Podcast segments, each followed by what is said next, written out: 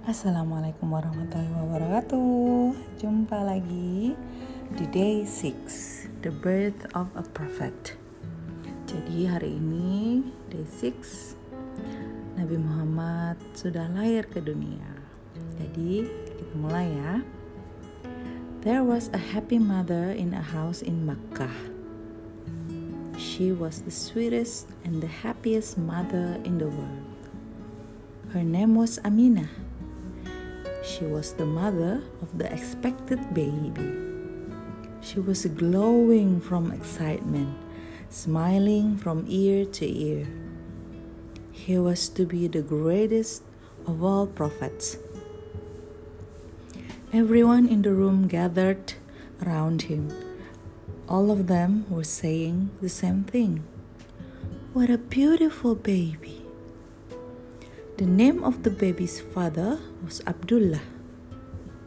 Unfortunately, he died before ever seeing his baby.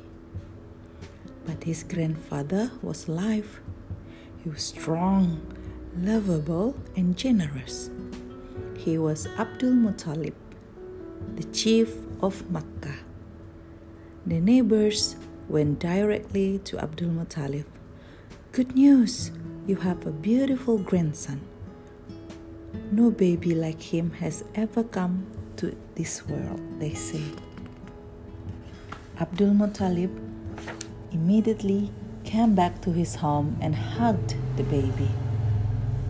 He was full of joy. His face was also glowing. He said, Let his name be Muhammad sallallahu alaihi wasallam. Let my grandson be liked everywhere and praised everywhere. That is why I have given him this name. Take care of him well. The whole world will know him.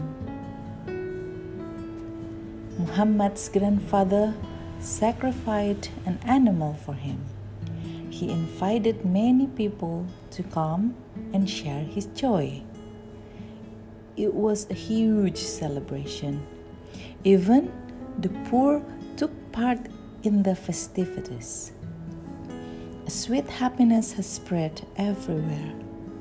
The city of Makkah was brighter than usual because baby Muhammad was there.